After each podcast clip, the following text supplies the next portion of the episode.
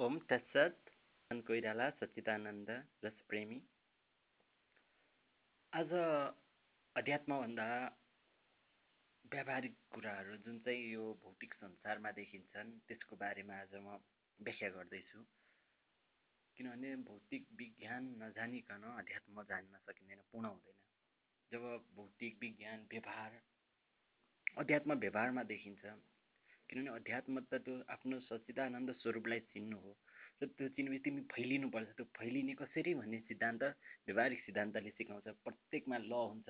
हामीलाई प्रत्येक नियमहरू जीवनको नियम हावाले सिकाइरहेको हुन्छ।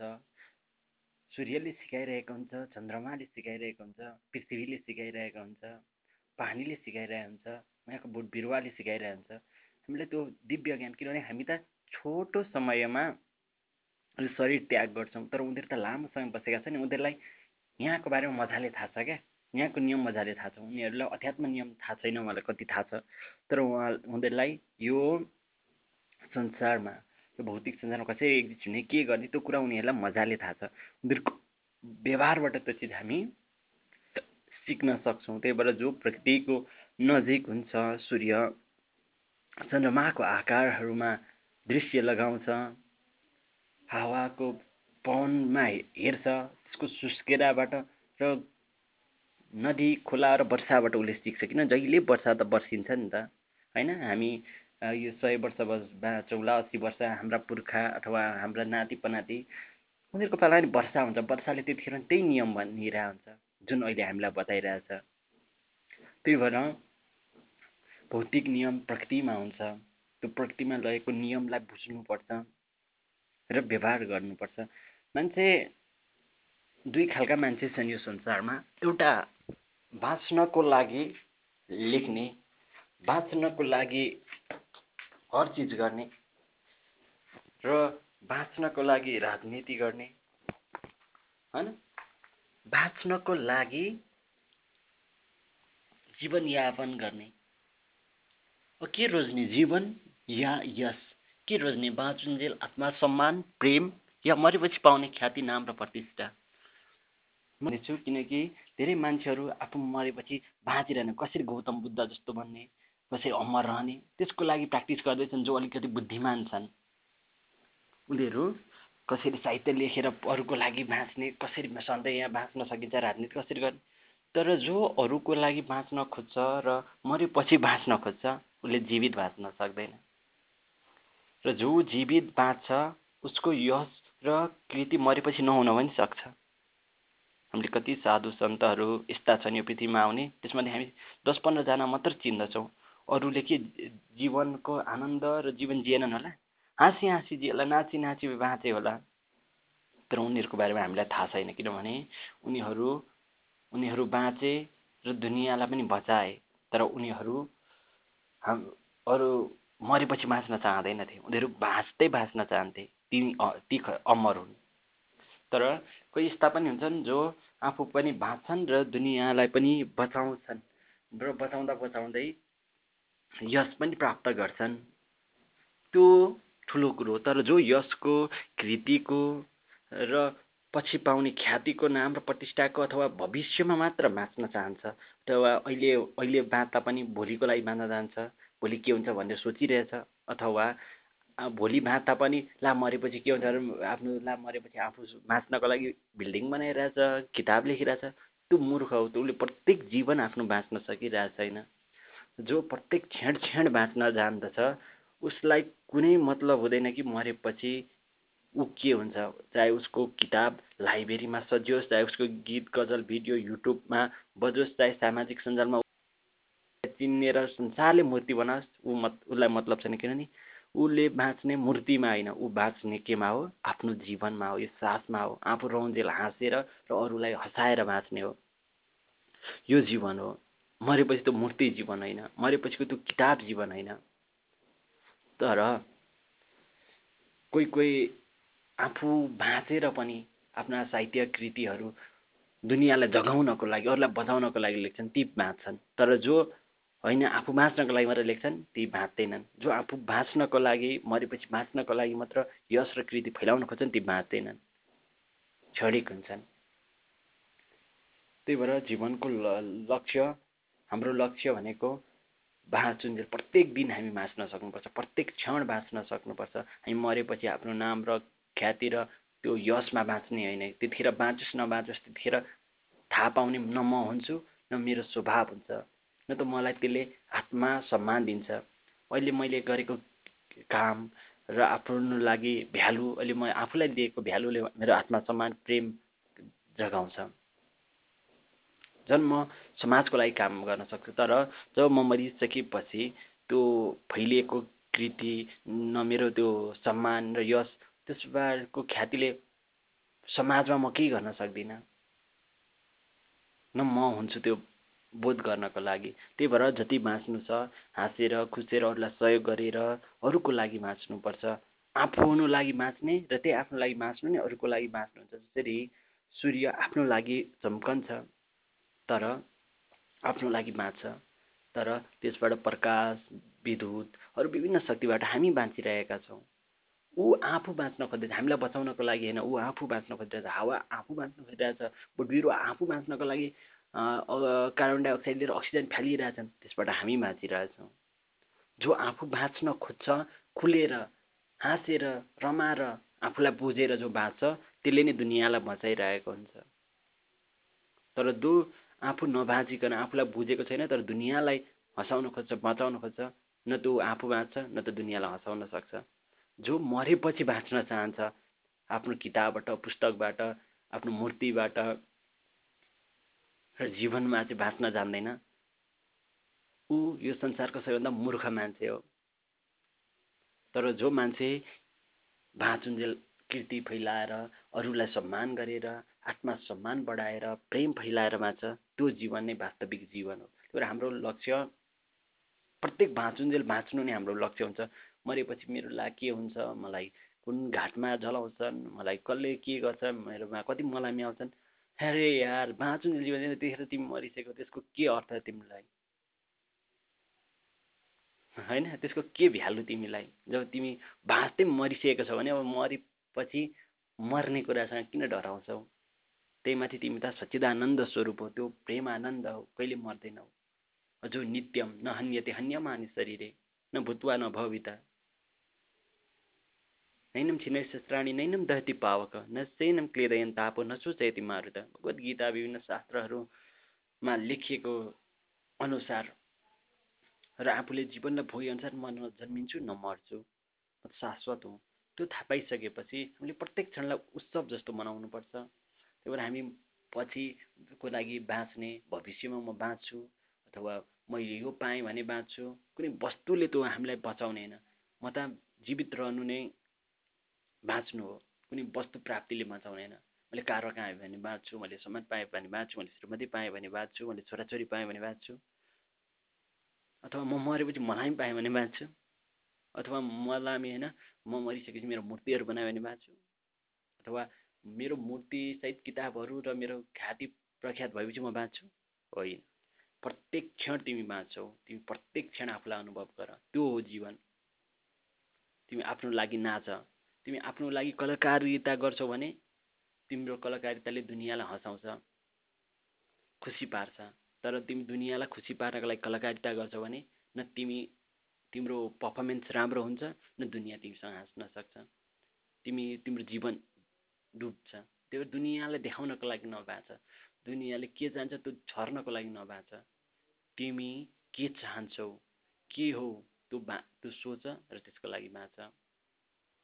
हाम्रा आमा बुवाहरूले के गर्नुहुन्छ भने बच्चामा बच्चाले आफ्नो गुण देखाइसकेको हुन्छ। क्या ऊ के गर्ने ऊ के गर्दा खुसी हुन्छ? तर हामी जबरजस्ती उसलाई एउटा बन्धनमा बाँध्न चाहन्छौँ। उसलाई तर आमा बाउ अथवा गुरु अथवा साथीभाइको र आफन्तको गुण त्यो हो कि ऊ जे चाहन्छ त्यो वातावरणमा उसलाई पुर्याइदिनु।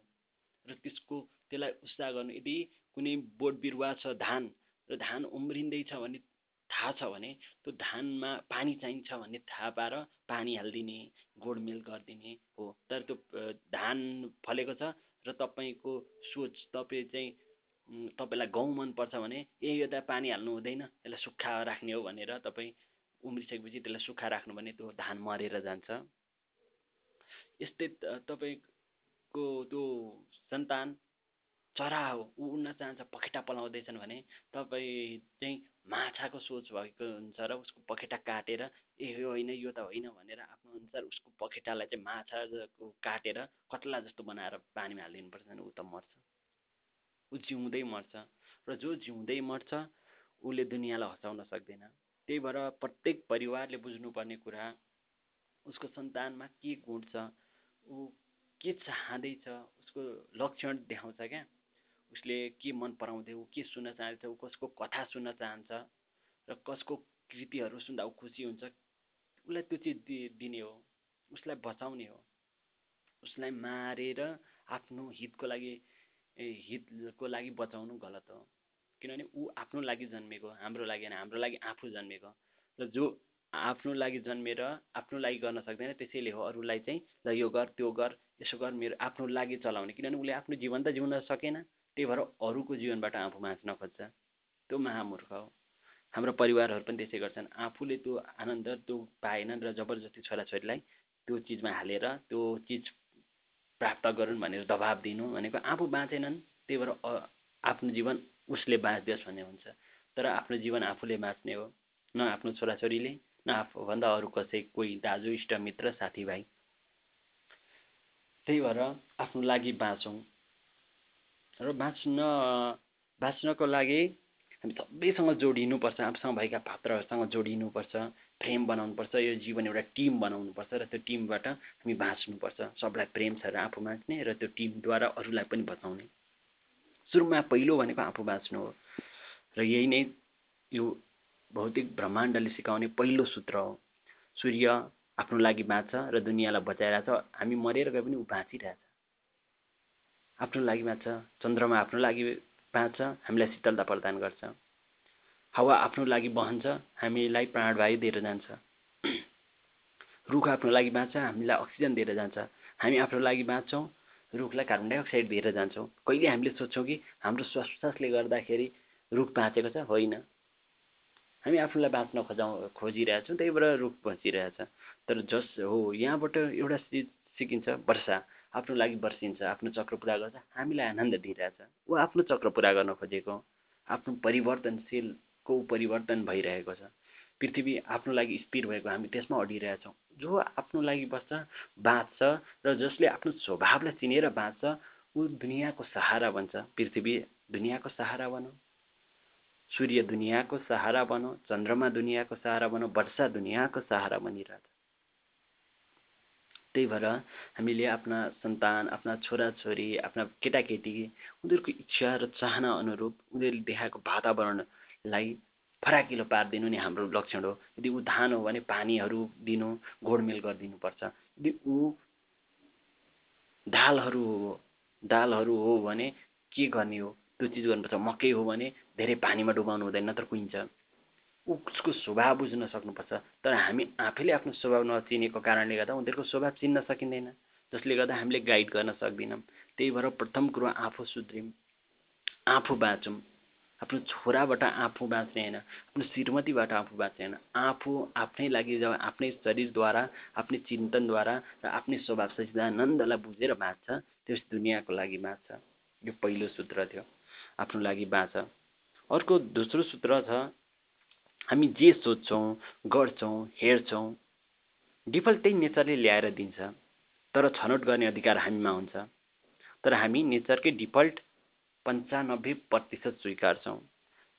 हाम हामीले जे सोचिरहेको हुन्छौँ जे गरिरहेको छौँ जे हेरिरहेको छौँ हामी त्यही बाटोमा हिँड्ने हो जहिले पनि। र त्यो बाटोमै हिँडाउने काम नेचरले गर्छ। नेचरले फेरि त्यस्तै त्यस्तै वस्तु दिन्छ हामीलाई। हामी जे हेरिरहेका हुन्छौँ पुनः फेरि नेचरले हामीलाई त्यस्तै चिज हेराउने क्षमता हामीमा बिल्डअप गराइन्छ अथवा त्यस्तै वस्तुहरू हाम्रो वातावरणमा देखाइदिन्छ। वातावरणमा त हरेक वस्तु हुन्छ। हामी त्यस्तै वस्तु देख्नेछौँ र र छनौट गर्ने अधिकार देखिसकेपछि पनि त्यो छनौट गरौँ कि नगरौँ भन्ने स्वभाव हामीमा हुन्छ। तर हामीले पहिलेदेखि नै नेचरले जे डिफल्ट दिन्छ त्यसलाई नै स्वीकार गरेको कारणले गर्दा हामी त्यसलाई स्वीकार गर्छौँ। यही कारण हो जहिले पनि नेगेटिभ माइन्डेड हुने नेगेटिभै चिज देख्छ सकारात्मक हुनेले सकारात्मकै देख्छ एउटै वातावरणमा। एउटै वातावरणमा खुसी हुने जहिले खुसी हुन्छ दुःखी हुने जहिले दुःखी नै हुन्छ। किनभने ऊ दुःखी दुःखलाई सोध्छ दुःखलाई गर्छ दुःखलाई हेर्छ नेचरले उसको वातावरणमै दुःख र दुःखितै देखाइन्छ। र दुःख देखाइन्छ। र त्यो दुःख लिने नलिने अधिकार उसमा त हुन्छ तर उसले पहिलेदेखि नेचरले दिएको हुन्छ त्यसलाई नै स्वीकार्ने बानी पन्चानब्बे पर्सेन्ट भएको कारणले गर्दा उसले पाँच पर्सेन्ट आफूलाई हेर्दैन पन्चानब्बे पर्सेन्ट स्वीकार्छ। र जो सकारात्मक छ जो आत्मज्ञानी छ जो आफूलाई बुझेको छ उसले सकारात्मक चिजहरू सोचिरहन्छ राम्रो चिज सोचिरहन्छ राम्रै चिज गरिरहन्छ। डिफल्ट नेचरले राम्रै चिज दिन्छ र त्यसले डिफल्ट राम्रै चिज छान्छ। र कहिलेकाहीँ उसले नराम्रो चिज पनि सोच्न सक्छ नराम्रो चिज पनि गर्न सक्छ नराम्रो चिज पनि हेर्न सक्छ। तर नेचरले नराम्रो चिजै दिएको हुन्छ। त्यतिखेर पन्चानब्बे पर्सेन्ट नराम्रो चिज छान्ने सम्भावना हुन्छ उसको तर उसले आफ्नो पाँच पर्सेन्ट प्रयोग गरेर त्यसलाई छान्दैन। यो फरक हुन्छ। त्यही भएर हामी जे पढ्छौँ हेर्छौँ सिक्छौँ त्यही हाम्रो स्वभाव बन्छ। स्वभावले वातावरण बनाउँछ। हामीले देख्ने वातावरण हाम्रो स्वभाव अनुसार छ। एउटा कृषकको लागि अहिले यो संसारै कृषि कृषि देखेको छ धान देखेको छ बिट देखिरहेछ। एउटा वैज्ञानिकले अहिले सम्पूर्ण भौतिक ब्रह्माण्ड देखेको छ एउटा सङ्गीतकारले हरेक चिजमा सङ्गीत देखिरहेछ। त्यही भएर हामी जे पढ्छौँ हेर्छौँ सिक्छौँ हाम्रो स्वभाव बन्छ। स्वभाव नै वातावरण बन्छ। वातावरण यति वृह छ तिमी जस्तो बन्छौ त्यस्तै हो यो वातावरण। तिमी टिचर हो शिक्षा हो तिमी ध्यानी र योगी हो ब्रह्माण्ड भगवान्को देन हो। तिमी एउटा सङ्गीतकार हो सङ्गीतै देख्छौ। तिमी कृषक हो कृषि धान गहुँ नि देख्छौ। तिमी फटा हौ चोर फटा नि देख्नेछौ त्यही भएर तिमी जे पढ्छौ हेर्छौ सिक्छौ सिक्छौ त्यही तिम्रो स्वभाव बन्छ किन नेचरले त्यही दिइरहन्छ तिमीले डिफल्ट त्यही अँगाल्छौ र तिमी त्यही वातावरणमा बाँच्छौ र त्यही भएर प्रमुख कुरो भनेको विचार हो। कुनै वस्तु वा तेस्रो सूत्र यो दोस्रो सूत्र हो। अब तेस्रो सूत्र हो कुनै वस्तु वा चिजमा जसले अरूकोले भन्दा एक पर्सेन्ट बढी लगानी गर्छ। अर्थ शक्ति समय। उसको स्वामित्व अस्सी पर्सेन्टले पर्छ। हामीले देखेका छौँ नि एउटै संसारमा आए पनि कोही धनी छ कोही गरिब छ कोही ध्यानी छ कोही ज्ञानी छ किन? किन? भन्दा उसले अरूभन्दा एक पर्सेन्ट बढी त्यसमा समय दिएको छ। कोही ध्यानी अहिले मैले यो प्रवचन यो सिद्धान्त दिन्छु। किनभने अरूले दिइरहेको छन् अरूभन्दा एक पर्सेन्ट मैले त्यसमा रिसर्च गरिरहेको छु खोजिरहेको छु आफूलाई बुझ्न खोजिरहेको छु र दुनियाँलाई बुझाउन खोजिरहेको छु मेरो अर्थ शक्ति र समय दिइरहेको छु त्यही भएर जब एक पर्सेन्ट बढी मैले लगाउँछु अरूको भन्दा बढी धेरै लगाउनु पर्दैन। अस्सी पर्सेन्टले त्यो वस्तुको स्वामित्व मेरो हुन्छ। यो नेचरले सिकाउने ल हो यो मैले सिकेको ल हो। सेम कन्सियसको समस्या समाधान त्यही कन्सियसबाट हुँदैन यो चौथो हो। हामीले कुनै पनि समस्या आयो र अहिले हाम्रो कन्सियस र विचारको लेभल जुन छ त्यहाँ समस्या छ भने त्यही विचारको लेभलबाट त्यसको समाधान हुँदै हुँदैन। त्योभन्दा हायर कन्सियसमा जानुपर्छ त्योभन्दा हायर चेतनामा जानुपर्छ। जब उच्च चेतनामा जान्छ त्यो सम समाधान उच्च चेतनाले अवश्य भोगेको हुन्छ। यदि हामी अहिले तमोगुणीमा समस्या छ भने जब हामी रजोगुणीमा पुग्छौँ। त्यो सम समाधान त्यहाँ हुन्छ। ए यो त समस्या होइन रहेछ। समाधान यो छ थाहा हुन्छ। जब रजोगुणीमा कुनै समस्या देखिन्छ जब सतौ गुणमा पुग्छौँ त्यसको समाधान देखि हुन्छ। जब सतौ गुणमा पनि कुनै समाधान हुन्छ गुणातीतमा जब पुग्छौँ त्यसको समाधान हुन्छ। र यो चौथो ल हो। कुनै पनि कन्सियसको समस्या समस्या छ तर त्यो सबै समस्याको समाधान त्योभन्दा माथिल्लो कन्सियसमा अडिएको हुन्छ। नेचरले त्यो भन्छ। तिमी त्यही भएर तिम्रो जीवनको समस्या के छ? तिमी छ भने सुरुमा तिमी आफ्नो कन्सियस आफ्नो चेतनालाई इम्प्रुभ गर। जब तिम्रो चेतना इम्प्रुभ हुन्छ समाधान अवश्य पाउँछौ। यो चौथो सूत्र हो। यो हरेक सूत्र मैले व्यवहारिक रूपमा यो संसारलाई हेरेर मैले पत्ता लगाएको हो। मैले पत्ता लगाएको हो जुन चिज छ म द्रष्टा हो। यसको यो लको स्रष्टा होइन सृष्टिकर्ता होइन यो नेचरमा छ। नेचरलाई हेरेर मैले जानेर यहाँ लिपि लिपिबद्ध गरेको यो ब्रह्माण्डमा छ हावाले भनिरहेछ। अर्को हो समस्याबाट भागेर त्योतिर लागेर समस्या कम गर्न सकिन्न। समस्याबाट भागेर भागेर कहिले पनि समस्याको समाधान हुँदैन। समस्या जे हो त्योतिर जब लाग्न खोजिन्छ समस्या आफै कम हुन थाल्छ। तपाईँ कुनै चिजसँग डराएर भाग्नुभयो भने त्यति डर बढ्छ तर तपाईँ डराउँदै डराउँदै होइन जति नजिक जानुहुन्छ डर कम हुँदै बढ्दै बढ्दै जान्छ र एउटा लेभलमा गएपछि डर घट्दै घट्दै घट्दै जान्छ। यो पाँचौँ ल हो त्यही भएर तपाईँ कुनै चिजसँग डर लागिरहेछ समस्या भइरहेछ भने पहिलो कुरो आफ्नो कन्सियस बढाउनु र दोस्रो कुरो त्योतिरबाट भाग्ने होइन त्योतिरै जानु। त्योतिर अगाडि बढ्दै बढ्दै बढ्दै जानु। यसको अर्थ यो होइन कि भागा रहेछ भागतिर तपाईँ जानु। होइन? यसको अर्थ तपाईँले बुझ्नुपर्छ है। शब्दमा नअड्किनु। छौँ हो। जेमा चाहेर वा नचाहेर पनि जोडिएपछि तपाईँ चाहे जेमा हो चाहेर अथवा नचाहेर जोडिनुहुन्छ त्यसपछि चलाक र रेस्पोन्सिबल हुनुपर्छ। तर अति रेस्पोन्सिबल नहुनु किनभने अति रेस्पोन्सिबलले तपाईँको आत्मा सुख खोज्छ मानसिक प्रेसर दिन्छ र अतिबाट बस्नुपर्छ यो छौँ सूत्र हो। त तपाईँ जेमा जुन चाहिँ ब्रह्माण्डमा हुन्छ ब्रह्माण्डप्रति तपाईँ रेस्पोन्सिबल हुनुपर्छ तर अति रेस्पोन्सिबल नहुनु किन हरेक चिज तपाईँको कन्ट्रोलमा छैन। यज्ञातम सर्व यहाँ भगवद्गीता हुन्छ यज्ञ तपसम सर्वलोकम महेश्वरम श्रीदम सर्वभूतानाम ज्ञात्व रहेछ त्यो सबैको भोक्ताकर्ता त्यो सचिदानन्द स्वरूप मेरो बृहत स्वरूप आफूलाई ठाने भने दुःख हुन थाल्छ। जब म यो सृष्टि र यसको कारण त्यो प्रतिरूप सचिदानन्द स्वरूपलाई ठान्छु त्यसबाट सम समस्या भाग्छ। त्यही भएर हामी जेमा जोडिएका छौँ सबैमा हामी पूर्ण रूपले अति रेस्पोन्सिबल नहुनु तर रेस्पोन्सिबल चाहिँ हुनुपर्छ। यो छैटौँ सूत्र थियो अर्को हामीले जे चोइस गर्छौँ त्यही हाम्रो भविष्य हो। चोइस नै हाम्रो दृष्टिकोणको सहारामा भर पर्छ। हामीले जे छनौट गर्छौँ त्यो हाम्रो दृष्टिकोणको सहारामा भर पर्छ। दृष्टिकोण हाम्रो वातावरण वातावरणमा सङ्गत सिद्धान्त ज्ञानमा भर पर्छ। त्यसैले हाम्रो वातावरणमा रिक्स लिने र पोजिटिभ ऊर्जायुक्त वातावरण राखिरहनुपर्छ। होइन भने त्यस्तो वातावरण छैन भने हामीले न रिक्स लिन सक्छौँ न पोजिटिभ हुन सक्छौँ। किनभने हाम्रो सङ्गत सिद्धान्त र ज्ञान अनुरूप वातावरण बन्छ र वातावरण अनुरूप दृष्टिकोण बन्छ र दृष्टिकोण अनुसार हाम्रो छनौट हुन्छ। जस्तै नेचरले हामीलाई डिफल्ट त दिन्छ हामीले अगाडि पहिलो सूत्र भन्थ्यो नि हामी जे सोच्छौँ गर्छौँ हेर्छौँ। नेचरले डिफल्ट त्यस्तै चिज दिन्छ। त्यो छनौट गर्ने नगर्ने भन्ने कुरो तपाईँको आफ्नो वातावरणमा भर पर्छ। जुन वातावरण तपाईँले बनाउनु भएको छ सङ्घ सिद्धान्त र ज्ञान कस्तो छ त्यो वातावरण अनुसार तपाईँको दृष्टिकोण छ त्यो दृष्टिकोणले छनौट गर्छ। यदि तपाईँ नेगेटिभ वातावरणमा र रहनु भइरहेछ तपाईँलाई दुःख पीडा अरूले तपाईँको निन्दा यस्तो वातावरणमा दुःख पीडामा नेचरले दिइरहेछ तपाईँलाई। तर तपाईँको आफ्नो वातावरण चाहिँ दृष्टिकोण चाहिँ सङ्गत सिद्धान्त र ज्ञान चाहिँ राम्रो उच्च छ भने त्यसले तपाईँलाई केही छुन सक्दैन। किनभने चोइस तपाईँको छनौट तपाईँको तपाईँ त्यसलाई नलिन भन् नेचरले दिएको चाहिँ लिन्न भन्न पाइयो। नलिएपछि त्यो आफ्नो हुँदैन। होइन? यो थियो हाम्रो सूत्र कति पाँचौँ छैटौँ के कुन सूत्र थियो? यो सूत्र जीवनको सूत्र हो। र अर्को कुरो हामी जीवनमा आफूलाई बुझिसकेपछि हरेक योजना आफै गर्न खोज्छौँ एक्लै गर्न खोज्छौँ। त्यो पनि गलत हो। व्यावहारिक रूपमा आफ्नो योजना काम गर्ने एक्लै एक्लै गर्न नसके राम्रा व्यक्ति सिस्टम तथा समूहलाई जोड्नुपर्छ।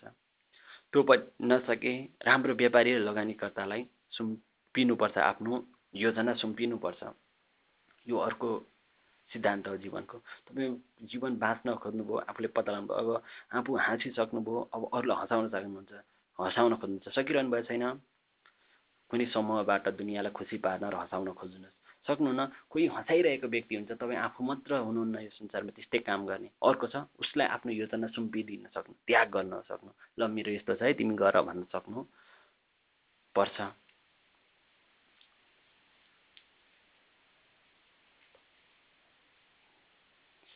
जस्तै अर्को भनेको हामी कुनै पनि त्यो स्किल सिक्नको लागि मरिहत्ते गर्छौँ र त्यो स्किल सिकेर हामी त्यसमै बाँधिएर बस्छौँ।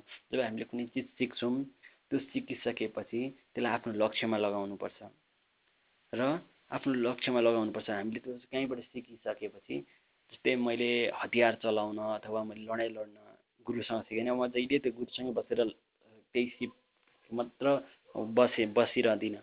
म त्यो सिप सिकेर आफ्नो लक्ष्यको लागि लगाउनुपर्छ।